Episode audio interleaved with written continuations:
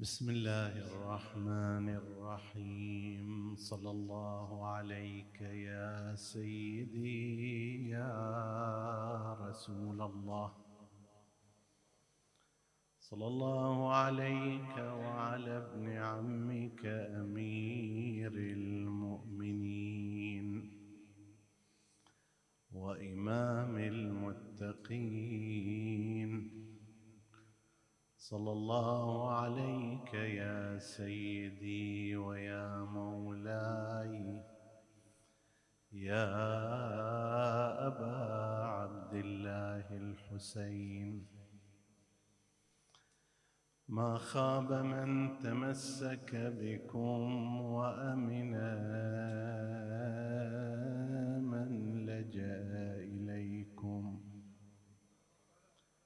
يا ليتنا كنا معكم فنفوز فوزا عظيما.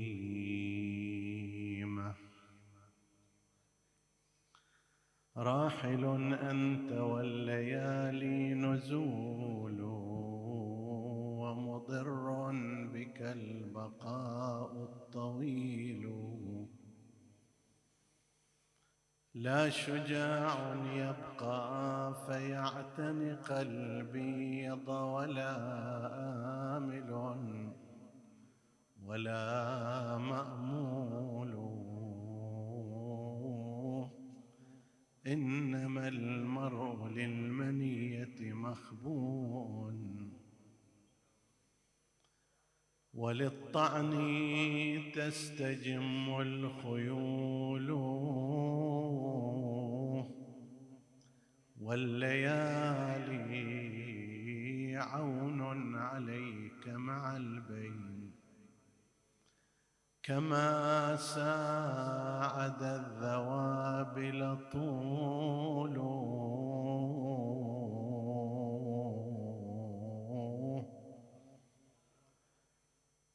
يا غريب الديار صبري. غريب وقتيل الأعداء نومي قتيل.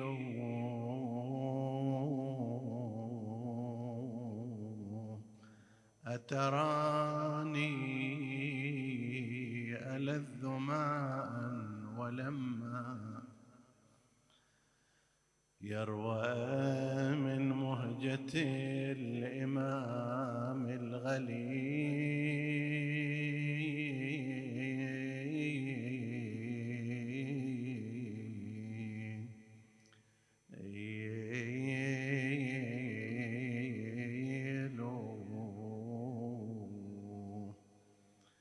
أتراني أعير وجهي صونا وعلى صدري تدوس الخيول.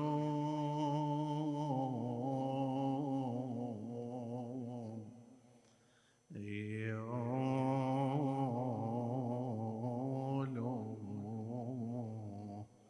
قبلته الرماح وانتظلت فيه المنايا. وعانقته النصول. لكنما الأمر لله لا حول ولا قوة إلا بالله العلي العظيم. إنا لله وإنا إليه راجعون. وسيعلم الذين ظلموا أي منقلب ينقلبون والعاقبة للمتقين. عطروا مجالسكم بذكر محمد وآل محمد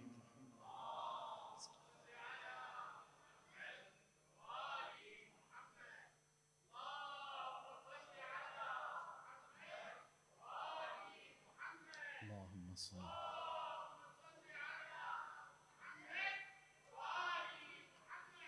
قال الله العظيم في كتابه الكريم بسم الله الرحمن الرحيم.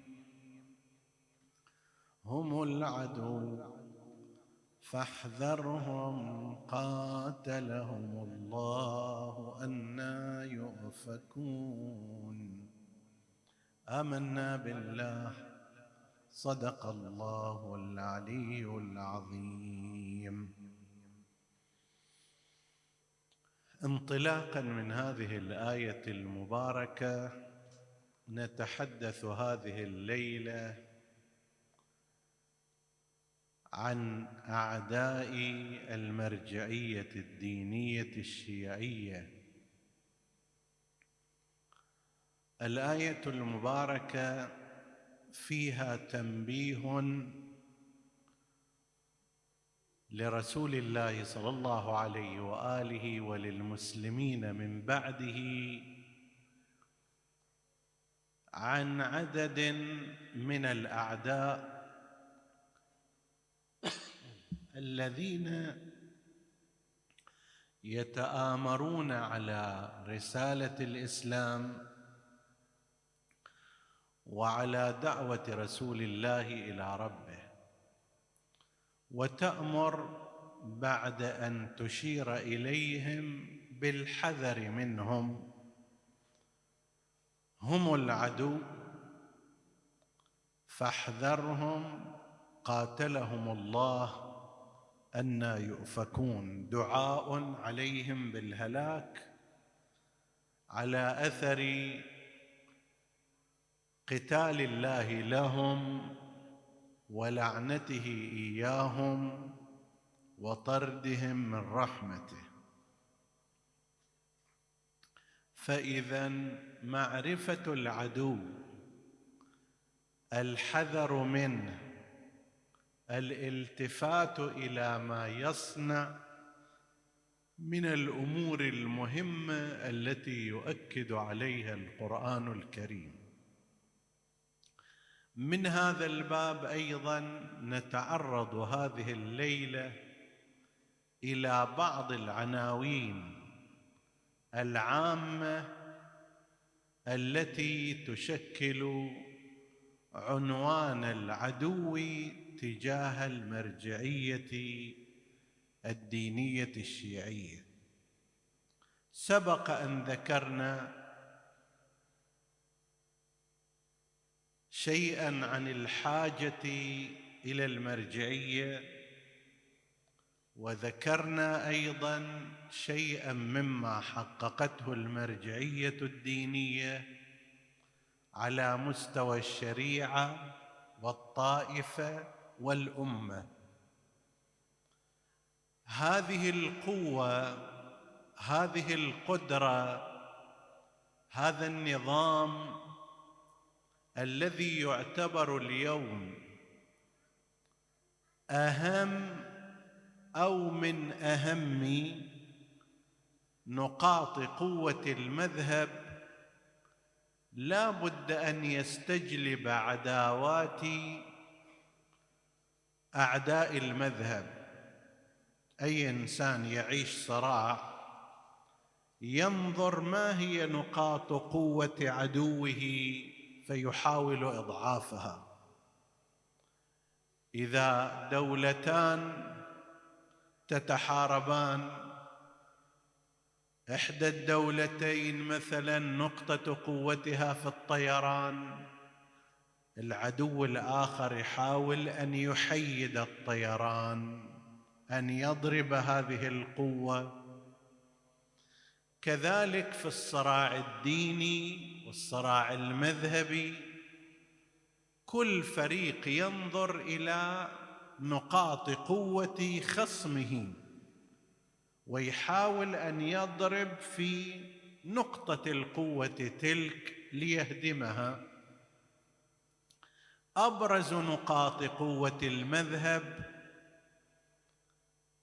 هي نظام المرجعية والقيادة الدينية وقد رأينا في عرض تاريخي في ليال مضت كيف قادت المرجعية الدينية الطائفة إلى أن أوصلتها إلى ما هي عليه الآن.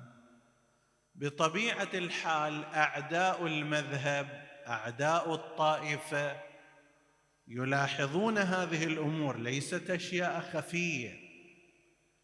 لديهم مراكز دراسات مؤسسات بحوث وهذا الأمر لا يحتاج إلى شيء كثير بمجرد أن تقرأ تاريخ الشيعة ستتوصل إلى أن نقطة القوة المركزية لديه ولديهم هي هذه النقطة. فمن الطبيعي أن يأتي أعداء المذهب لكي يضربوا نقطة القوة هذه. تجمعت عداوات وأعداء كثر في وجه المرجعية الدينية. سبق أن نبهنا وننبه وأظنه واضحا أننا عندما نتحدث لا نقصد أعداء هذا المرجع أو أعداء ذاك المرجع وإنما أعداء النظام المرجعي لدى الطائفة. اليوم يتجسد في شخص قبل خمسين سنة في شخص آخر بعد مئة سنة في شخص ثالث. فهناك اذا أعداء متعددون لهذا النظام لهذه القيادة لهذه المرجعية. في رأس القائمة من نطلق عليهم بالدول الاستعمارية والتي كانت قديما ولا تزال تسعى للسيطرة على بلاد المسلمين وعلى ثرواتهم. إذا نتصور أن الاستعمار كان في الأربعينات وفي العشرينات وما قبل ذلك والآن انتهى ترى نحن واهمون. الاستعمار هو هو نفسه لكن اختلفت. ذاك الوقت كانت جيوش وأساطيل تغزو. الآن لا ما يحتاج أن يسوي هذا الشيء. لكن الغرض هو واحد. الهدف هو واحد استثمار هذه البلاد سرقة أموالها إغواء شبابها السيطرة على قرارها. ذاك الوقت كان يأتي بواسطة البوارج الحربية اليوم يأتي بواسطة ممكن وسائل التواصل الاجتماعي ما يحتاج إلى جيوش ولا هم يحزنون. يجي عبر الثقافة الاستهلاكية يجي عبر الهزيمة النفسية يجي عبر الأشخاص اللي تربوا في هذه الدول وأصبحوا تلامذة مخلصين للثقافة الغربية المستعمرة وهم صاروا يبشروا بها ويعتبروها هي المنقذ. وسائل مختلفة ولكن الهدف هو واحد. هذه الدول هذه الأنظمة الاستعمارية ترى أن اجتماع الناس حول مراجع الدين يعطي للمجتمع قوة يحول هذه القطرات المتفرقة إلى سيل جارف. يحول هذه الأفراد المتوزعة من الناس إلى كتلة واحدة. ولذلك من الناظم مالها؟ الناظم مالها هو القيادة المرجعية اللي تلم الناس توجههم في اتجاه صحيح تزيد من تمسكهم بإيمانهم وتوجههم فيما يرتبط بحفظ وحدة أمتهم واستقلالها. هذا شيء يؤذي الغرب شيء يؤذي هذه الأنظمة. يفسد عليها مخططاتها. فإذا لازم نحطم هذا الناظم. هذا الحبل اللي يربط حبات المسبحة لازم نحطمه ونكسره وهو المرجعية الدينية. في السابق كان يصير محاولات اغتيال تسميم متعددة. ما صار لنا فرصة يمكن يصير في الأيام القادمة عندما نتحدث عن تضحيات المرجعية الدينية لأجل الأمة. تشوف مرجع الدين عندما يريد أن يتحرك حركة واضحة يوم ثاني يعلن عن موته. يا شلون صار؟ طول هالمده ما كان به شيء. وإذا به يصير إلى مثلا تسميم أو غير ذلك من الأمور. ممكن الآن ما يصير هذا الأمر ولكن يصير اغتيال للشخصيات. يجي واحد كذاب فاسق وهذا من العجائب. يقول لك إحنا أعطينا لفلان مرجع مئة مليون دولار حتى مثلا لا يفتي ضدنا. تبا لك وسحقا. المرجعيات الدينية التي يجري المال بالمليارات بين يديها. ثم لا تنظر إليه نظرة طمع. يجون علشان ما تزعم من مليون ولا عشرة ولا مئة مليون حتى يخالف حكم الله سبحانه وتعالى. لكن هذا يبين مقدار الألم الذي تألموا منه من المرجعية الدينية. فصار لازم يشوهوا هذه الصفحة الناصعة لازم يغتالوا الشخصية بدل أن يغتالوا الشخص. والعجيب من بعض المسلمين عندما يأتون ويستدلون بكلام هؤلاء الكفره رجل كافر من الناحيه المذهبية من الناحية الدينية فاسق من الناحية السلوكية كاذب من ناحية الوثاقة ويعتبر هذا على أنه إي نعم وثيقة تاريخية. قال فلان وزير وفلان سفير وفلان كذا كذا وكذا. شنو وحي منزل هذا الذي قاله؟ فهذه الفئة الأولى التي تواجه المرجعية الدينية وستبقى تواجهها. الدول الاستعمارية جربت المرجعيات الدينية في ثورة العشرين في ثورة التنباك في أيام السيد محمد المجاهد في سائر الأيام المختلفة. ورأوا أنهم لا يستطيعون مواجهة هذه المرجعيات إلا بتحطيمها. هسه ما يقدرون يحطمونها بهذه الصورة الواضحة والظاهرة أن يقتل شخصه خل يقتل ويغتال شخصيته بما يسمى بالحرب الناعمة بالأكاذيب بالإعلام بما شابه ذلك. يتبع هذه الفئة الفئة العدوة للمرجعية الدينية اولا يتبعها الأنظمة السياسية التابعة للاستعمار. هذول أيضا على خطى سادتهم المستعمرين. يرون أن مصدر القوة الوحيد في المجتمع لازم يكون بإيدهم. ما لازم يتعلق الناس قلوبهم أو نفوسهم أو غير ذلك إلا بقراره هو. ولذلك تتعج لا تتعجب يعني إذا شفت مثلا ما مارسه ما مارسته الأنظمة الفاسدة مثلا في العراق تجاه مراجع الدين.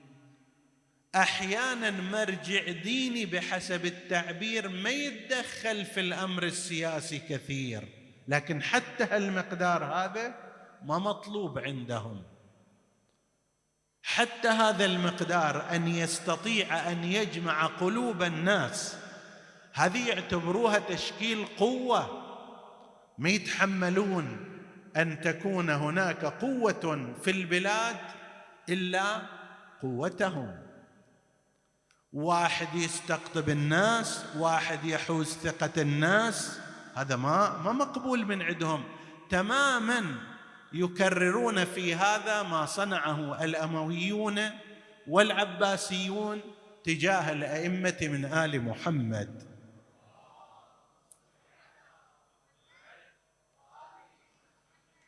يعترفون بأن هؤلاء أئمة على القلوب. وأنه لو زالت الخلافه كما قالوا لما كان أحد أولى بها منهم من هؤلاء.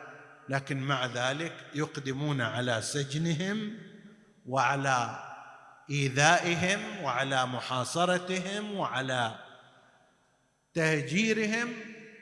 نفس الأمر يتكرر في هذه الأزمنة. كما صنع أولئك الظالمون.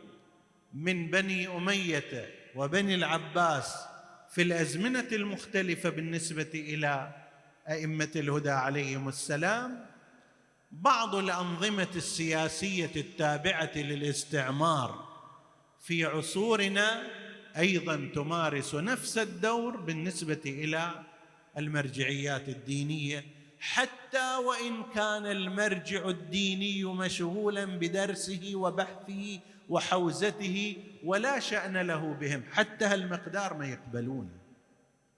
لازم يخضع لهم ولازم ما يشكل قوة وإذا شكل قوة لازم تكون تحت يدهم.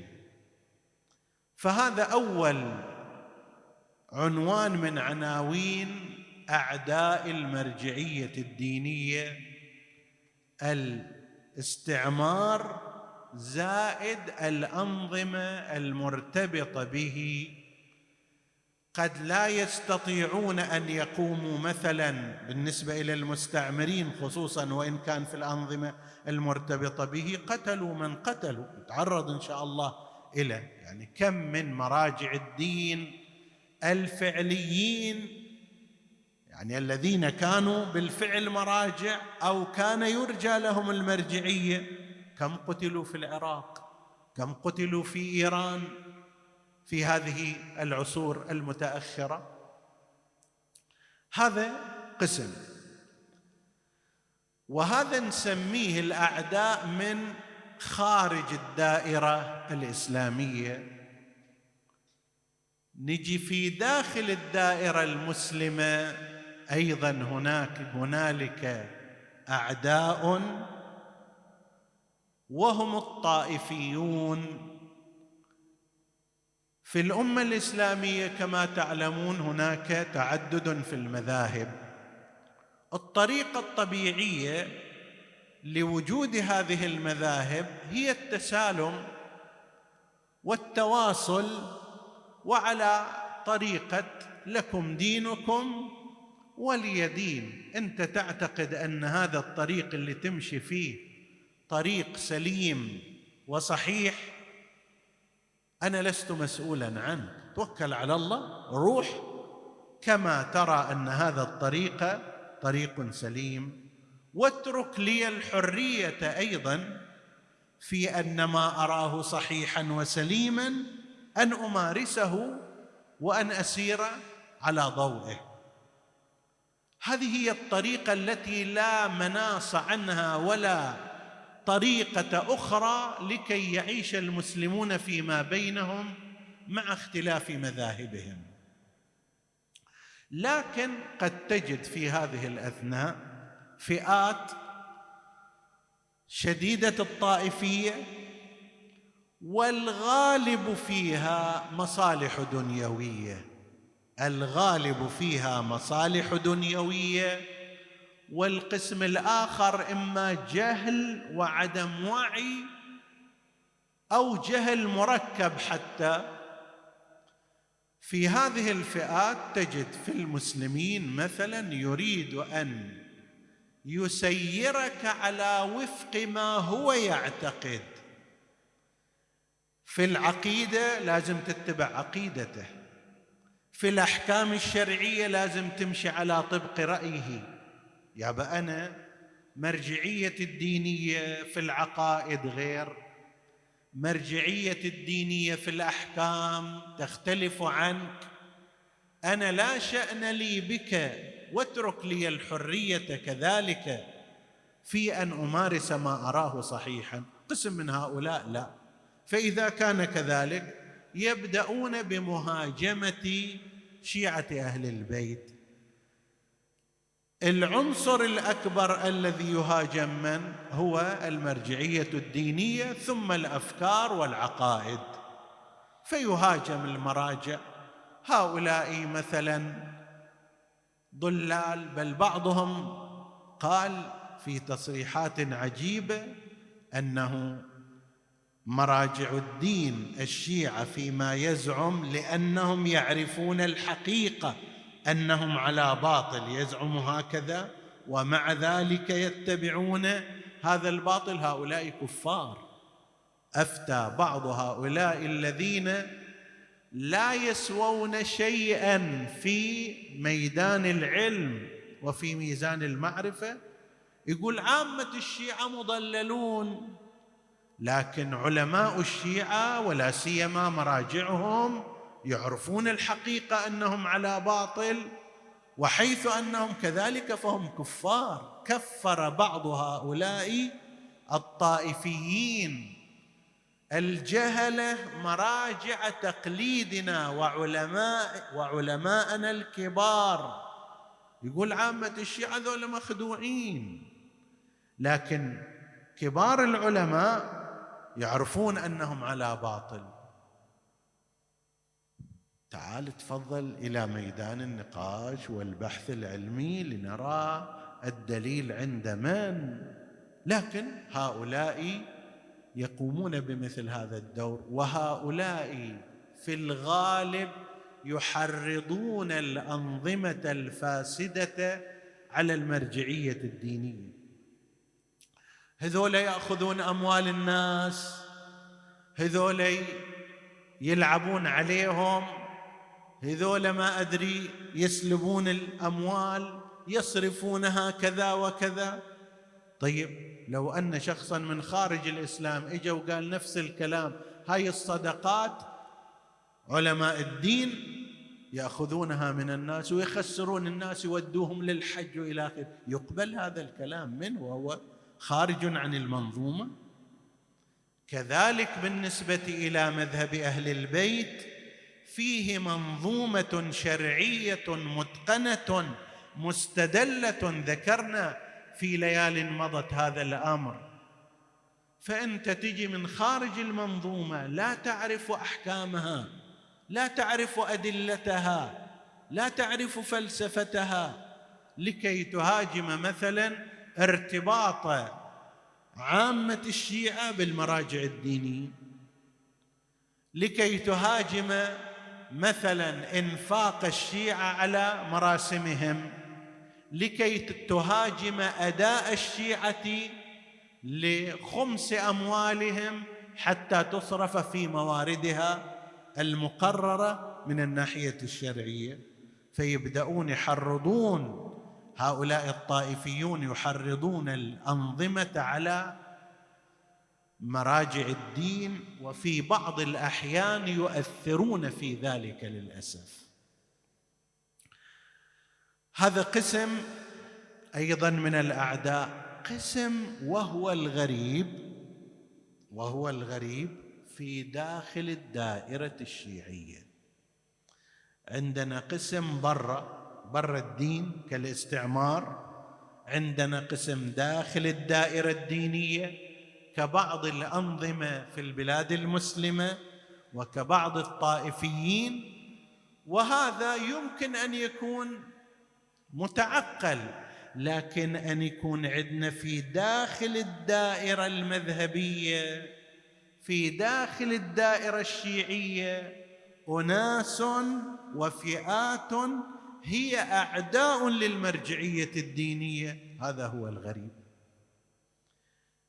يأتيك أناس في هذه الدائرة يرفعون أشهد أن عليا ولي الله ويرفعون يا حسين ويعزون كما تعزي ويبكون كما تبكي ويلطمون كما تلطم ويمارسون نفس الأعمال التي أنت تمارسها ولكن في نفس الوقت هم من ألد أعداء المرجعية الدينية التي يفترض أنها هي نقطة نقطة القوة الكبرى للطائفة وللتشيع.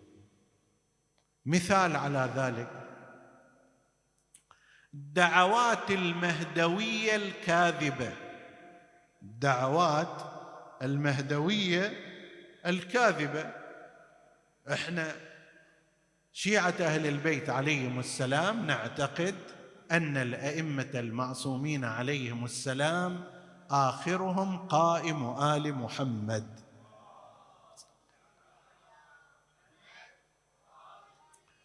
وأنه غاب غيبتين غيبة صغرى عين فيها أربعة سفراء حتى إذا انتهت هذه الغيبة الصغرى في سنة 329 هجرية بوفاة السفير الرابع انتهت الغيبة الصغرى وانتهت السفارة الخاصة وبدأت الغيبة الكبرى وبدأت النيابة العامة. في الخبر من كان من الفقهاء ما بعد عنده الإمام فلان أو فلتان. في الغيبة الصغرى لا. عثمان بن سعيد العمري باسمه ورسمه وشخصيته هذا سفير للإمام. بعده ابنه محمد ابن عثمان سفير باسمه وشخصه. ما حد ينازعه ما حد يكون بجنبه الكل تحته. بعده الحسين بن روح النوبختي باسمه وشخصه بعده علي بن محمد السمري. هذه 300 سنة 329 توفي السفير الرابع وأعلن الإمام عليه السلام قبل وفاته بأنه ستحصل الغيبة الكبرى وأن أي واحد يدعي أن عنده اتصال خاص بالإمام وأنه معين شخصيا من قبله هذا كاذب بل هو مفتر. طيب زين. جرى على ذلك أمر الشيعة منذ ذلك الوقت وإلى أيامنا. زين ما ما هو البديل؟ البديل هو نظام المرجعية الدينية. بمعنى أن من تتوفر فيه صفات علمية معينة وصفات عملية معينة أقصى درجات التورع مرتبه الفقاهة العليا من العلم بأمور الدين هذا هو أيضا نائب ولكن نائب عام عن الإمام. زين. صار في هذه الفترات دعوات كاذبة عن النيابة عن الإمام المهدي. إجوا جماعة مو بس هالأزمنة لا حتى في الأزمنة القديمة. تعرضنا في كتاب اسمه المهدي. عدالة منتظرة. من زمن طويل كان هناك دعوات واحد يجي يقول أنا نائب خاص عن الإمام المهدي. أنا عندي اجتماع خاص وياه أنا أتصل به اتصال خاص. أنا باب من أبوابه. أنا يسر إلي الإمام بأمور خاصة ما يطلع عليها الغير. كذب في كذب في كذب. الغرض من ذلك ما هو؟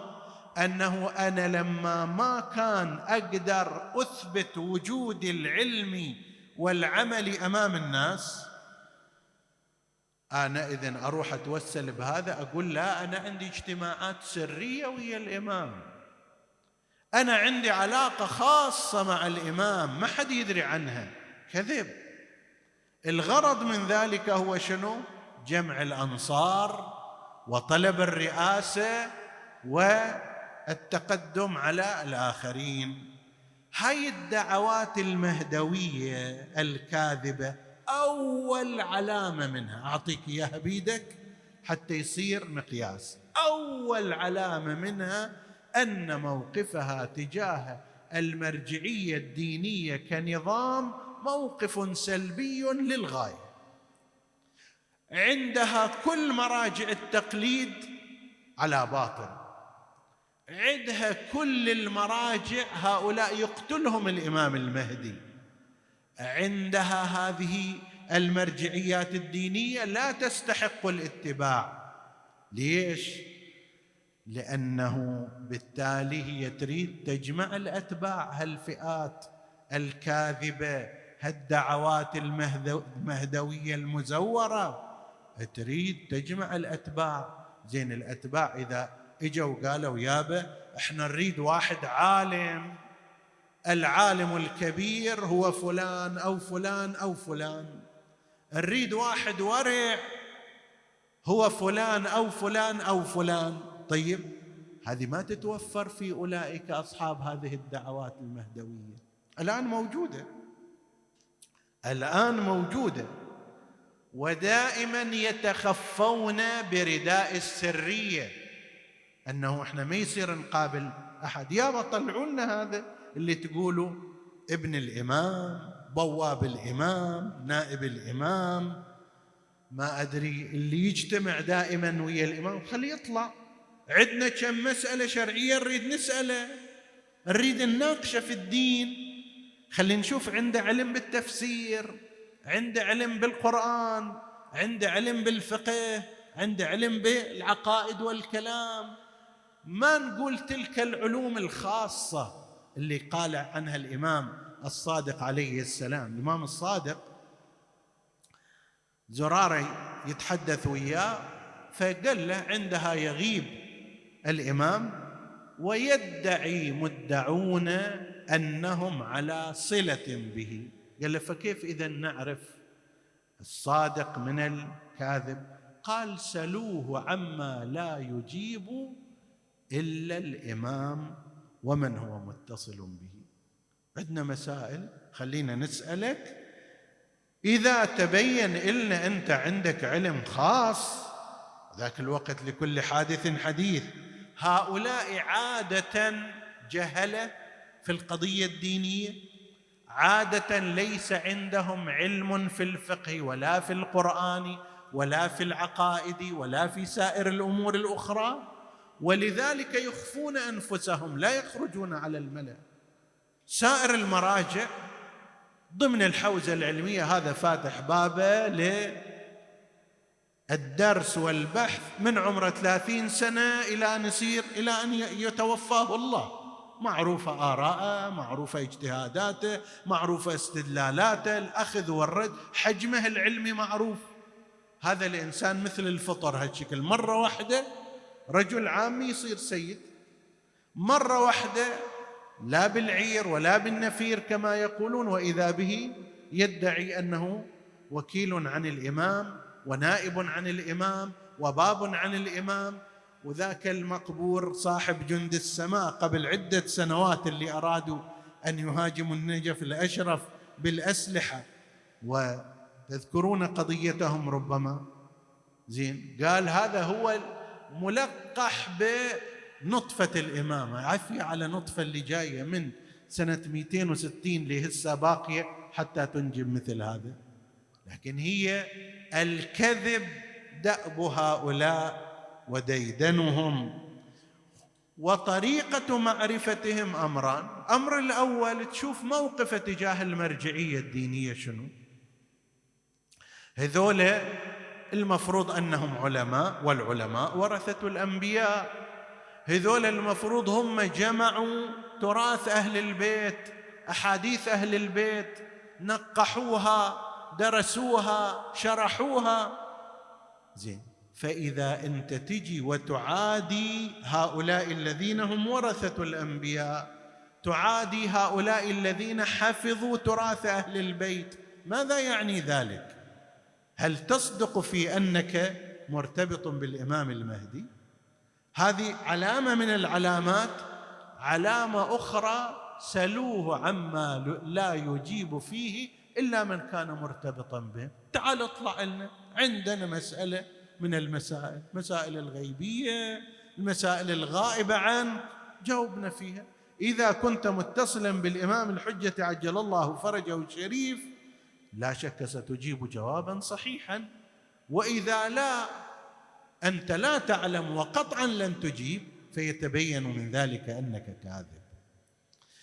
مثل هؤلاء قد تجد لهم قنوات تجد لهم ما أدري كتب تجد لهم عمائم تجد لهم عزاء تجد لهم راية. لا إله إلا الله محمد رسول الله علي ولي الله. تجد لهم السلام عليك يا أبا عبد الله تجد لهم زيارات. طيب لكن هؤلاء هم العدو فاحذرهم قاتلهم الله أن يؤفكون. هذا من داخل الدائرة.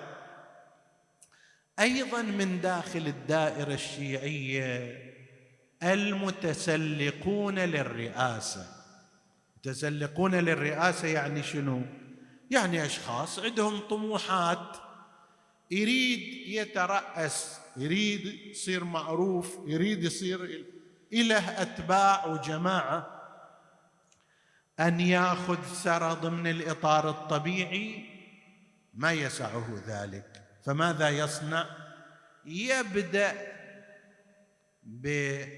بالكلام الباطل عادة على مراجع الدين. ما عنده مانع يسوي لك قناة فد إنسان. أربعة وعشرين ساعة يفرغ من مرجع ديني في شتمه والكلام ضده ويبدأ في مرجع آخر. وهكذا على مدار اليوم وطول السنة هو هذا شغله.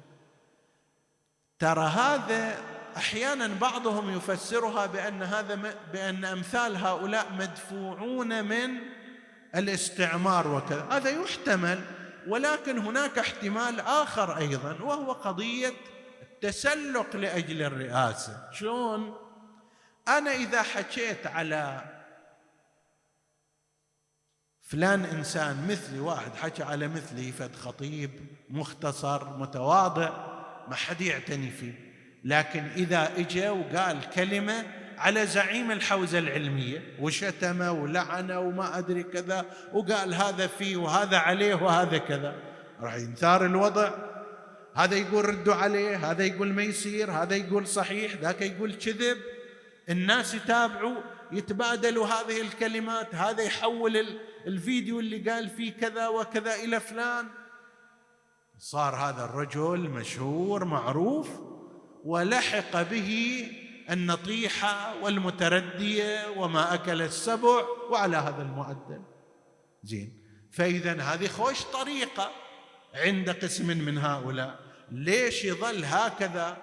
يحتاج إلى يروح يسوي إلى بحث يحتاج يسوي له كتاب يحتاج يسوي إلى مشروع ديني يحتاج يسوي إلى مؤسسة هادفة. هاي مؤسسة وكتاب واحد من عشرة آلاف ما يبين. واحد من مئة ألف ما يبين. لكن اليوم خليه يحكي على أعلى قمة مرجعية. باكر الصبح تشوف ماكو مكان إلا وصل صوته واسمه ورسمه وكلامه إلى كل مكان. هذه طريقة أسهل. ليش؟ ليش يروح ذاك الطريق الطويل؟ لماذا يؤسس المؤسسات اللي تحتاج إلها ثلاثين سنة وأربعين سنة حتى يتبين وضعها؟ هذا أسهل شيء. اليوم يشتم باكر الصبح هو أصبح مشهورا. خلي ألف واحد يسبه خمسين واحد يوافقه. ما يخالف هم خمسين واحد هي فائدة. فهؤلاء هالقسم من الناس يعملون على هذه الطريقة يتسلقون على درجات شتم المرجعيات الدينية والافتراء عليها والكلام ضدها بما هو باطل في العادة الغاية فيه هو أن يشتهر إذا اشتهر أصبح رأس جماعة إذا صار رأس جماعة حقق طموحه في أن يكون إله رئاسة وإلى شخصية وإلى كذا. هذا قاعد يبيع دينه يبيع آخرته بس لا ما هم بالتالي قسم من الناس هكذا يصنعون.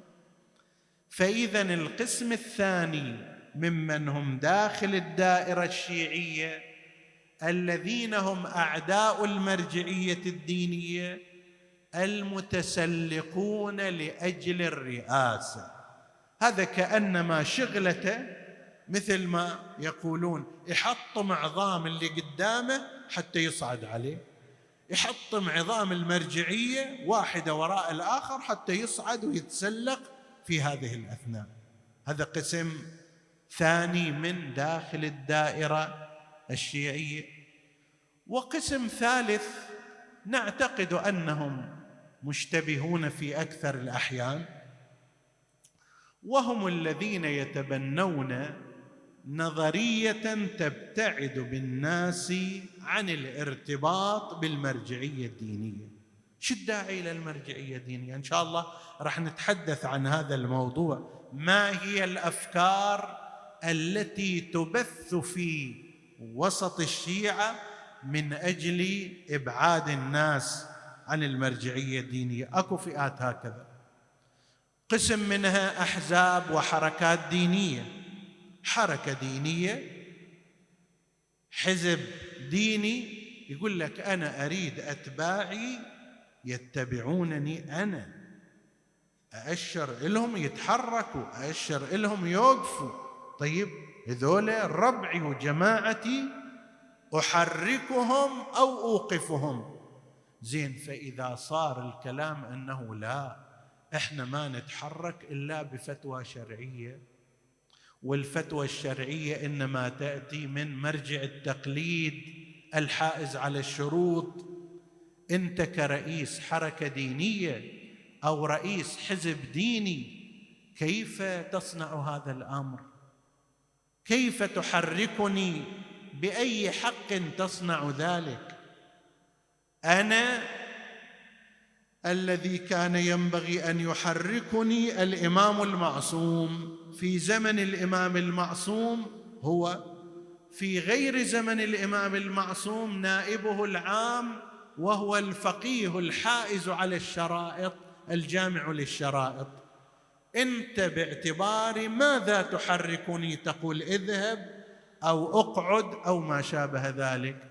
هنا يقوم هؤلاء بفصل الناس عن عن المرجعية الدينية. والمرجعية الدينية ما تفهم في الأمور السياسية.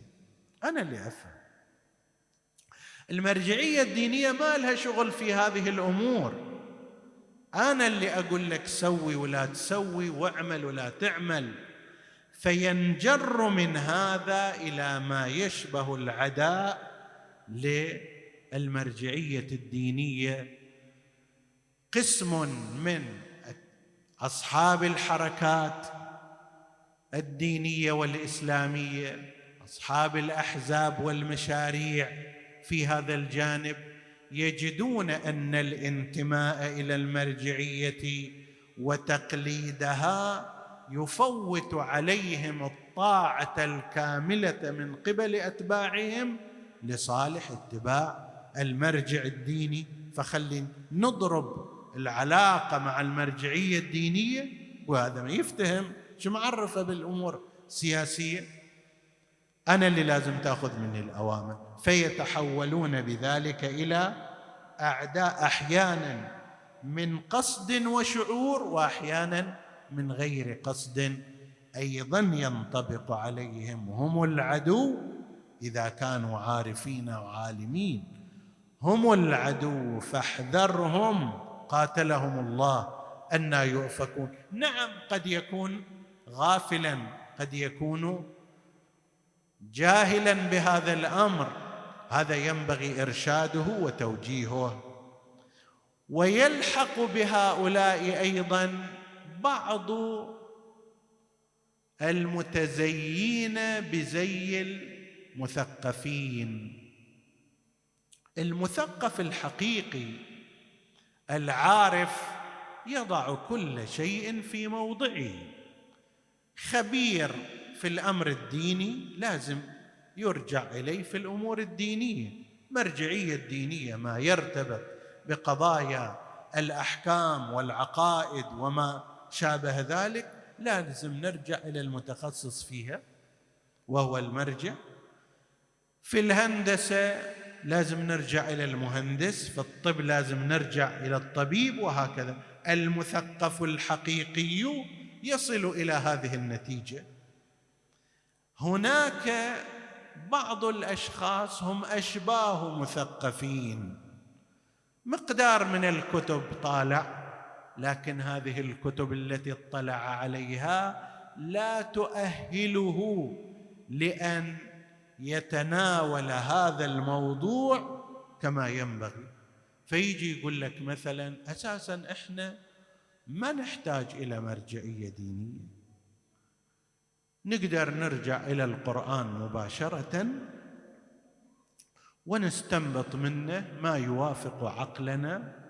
قرآن موجود عقل هم موجود عندنا. فنجمع هذا ويا هذاك صار الدين وصار الإسلام. المرجعية الدينية شنو شغلها هنا؟ إذا كان هذا قابل لأن يهدى ولأن يرشد ولأن يستمع أدلة الطرف الآخر في لزوم التقليد وفي أن هذه الأفكار أفكار غير سليمة لا بد من اسماع من إسماعي. وأما إذا لم يكن كذلك فهو في الفعل بالفعل سيصن سيصنف على أنه ضمن أعداء المرجعية الدينية كنظام يصون التشيع. طبعا هؤلاء مجموعهم مجموع هؤلاء الأعداء شغلهم الأساس هو الأفكار.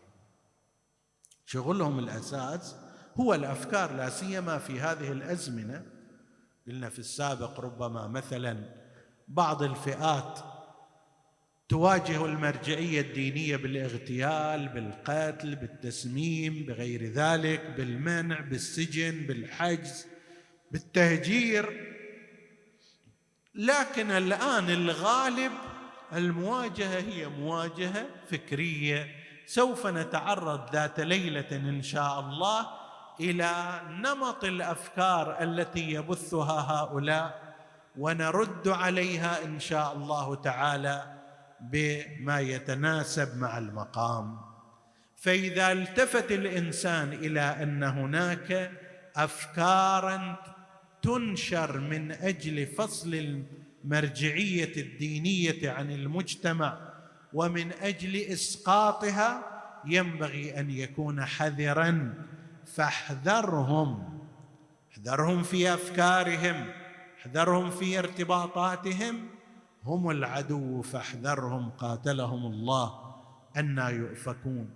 كل هؤلاء الأعداء كل هذه الفئات بعد حمد الله عز وجل وببركات أئمة الهدى ثم ببركات وعي أبناء الطائفة. الغالب أنها لم تؤثر اثرا مهما وشاهد ذلك أننا نجد المرجعيات الدينية في أيامنا هذه لا تزال في موقعها المناسب من التعظيم والاحترام والاتباع وأن أي إنسان لا يلتزم بمرجعية معينة صالحة يجد نفسه على غير الاستقامة التامة. يجد نفسه في حاجة إلى معرفة دينه يجد أن عنده نقصا. وهذا كاف في بيان أن هذه العداوات وهؤلاء الأعداء لم يستطيعوا أن يصلوا إلى ما أرادوا.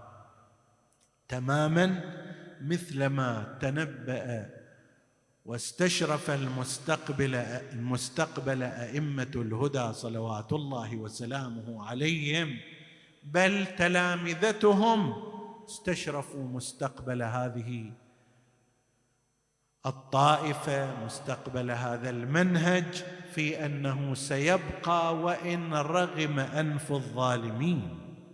سيبقى وإن حاول الآخرون قدر ما حاولوا إلا أن الله سبحانه وتعالى أخذ على نفسه ولينصرن الله من ينصره. أخذ على نفسه أنه وعد الله الذين آمنوا وعملوا الصالحات ليستخلفنهم في الأرض وليمكنن لهم كما استخلف الذين من قبلهم وليمكنن لهم دينهم الذي ارتضى لهم وليبدلنهم أو يبدلنهم من بعد خوفهم. أمنا يعبدونني لا يشركون بي شيئا. هذا المنهج سوف يكون الوارث لخلق الله ولعباد الله ولأرض الله يوم يرث الله الأرض ومن عليها. هذا المنهج هو مستقبل البشرية مهما حاول الظالمون.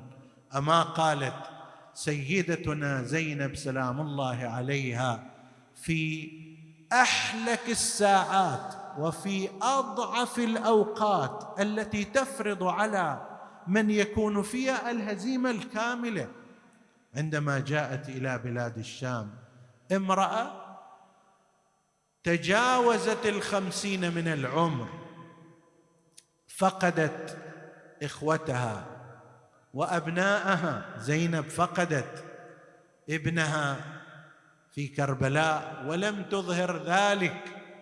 فقدت أبناء أخيها فقدت عشيرتها وفوق ذلك أيضا سبيت في أول حادثة حدثت في بلاد المسلمين بهذه الطريقة. ما شهد المسلمون قبل كربلاء وقبل عاشوراء؟ سبي نساء لأهل البيت علي سبي نساء مسلمات ما صار إلى ذاك الوقت. فكيف إذا كانت من ذرية رسول الله صلى الله عليه وآله؟ هجرت مسافة ألفين كيلومتر على تلك النياق الهزل العجف وأوقفت ذلك الموقف الصعب التي تخاطب فيه طاغية زمانها. أمن العدل يا ابن الطلقاء تخديرك حرائرك وإماءك وسوقك بنات رسول الله سبايا قد هتكت ستورهن وأبديت وجوههن يستشرفهن أهل المناهل والمناقل وينظر إليهن الشريف والوضيع والصغير والكبير. ليس لهن من حماتهن حمي ولا من ولاتهن ولي. منحنيا على ثنايا أبي عبد الله وسيد شباب أهل الجنة تنكتها بمخصرتك. ألا فالعجب كل العجب لقتل حزب الله النجبا بحزب الشيطان الطلقا ولئن جرت علي الدواهي مخاطبتك. أنا وين؟ وأنت وين؟ لئن جرت علي الدواهي مخاطبتك إني لأستصغر قدرك وأستعظم تقريعك وأستكثر توبيخك لكن العيون حرّا. ولكن العيون عبرة والصدور حرة ثم قالت فكد كيدك واسع سعيك وناصب جهدك فوالله لا تمحو ذكرنا ولا تميت وحينا. وهل جمعك إلا بدد وأيامك إلا عدد ورأيك إلا فند. يوم ينادي المنادي ألا لعنة الله على الظالمين. خطبة زينب عليها السلام هزت الجمع الحاضر وكان في من يسمع زوجة يزيد من وراء الستار اسمها هند بنت عبد الله ابن عامر ابن كريز وأبوها كان في المدينة ولأنهم في المدينة فهم يعرفون بيت علي وفاطمة عليها السلام. فلما سمعت هذا الخطاب البليغ القوي سألت الخادمة من المتكلم في المجلس؟ قال لها المتكلم امرأة. قالت ويحك اذهب فاسأل ماذا تسمى ومن هي وابنة من؟ ذهب وجاء قال تسمى زينب. قالت ويحك زينب في النساء كثير سلهم ابنة من؟ فقال لها وقد جاء. يقولون إنها زينب ابنة علي بن أبي طالب. قال أرباب الخبر رفعت هند يدها وصكت وجه الخادم على وجهه. زينب ابنة علي بن أبي طالب؟ مخدرة الهاشميين عقيلة الطالبيين. هاي ظلها ما كان ينشاف في المدينة. الآن تجي تقف أمام الرجال وتخطب هذا الخطاب. لما تحقق لها ذلك الأمر دخلت إلى مجلس يزيد وأماطت الستار. فوقعت عينها على عين العقيلة زينب كأنها تسالها أنه جيبك إلى هذا المكان يا زينب؟ ما الذي جرى حتى حصل هذا؟ الذي ارى كاني بها أجابت أنا وين وين الدواوين أنا وين وين الدواوين أنا؟ شسوي هل عني أنا شسوي هل عني بعيدين أنا لا عباس يبرالي أنا لا عباس يبرالي ولا حسين يضربوني من أبكي وتهمل العين. يا يا بتظل عبرتي بصدري تكسر أنا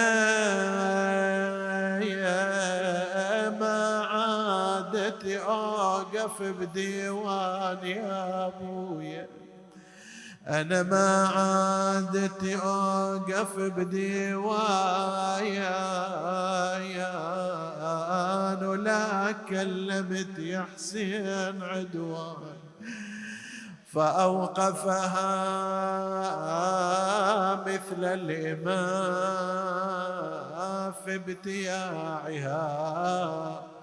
وأبرزها تحمى بضوء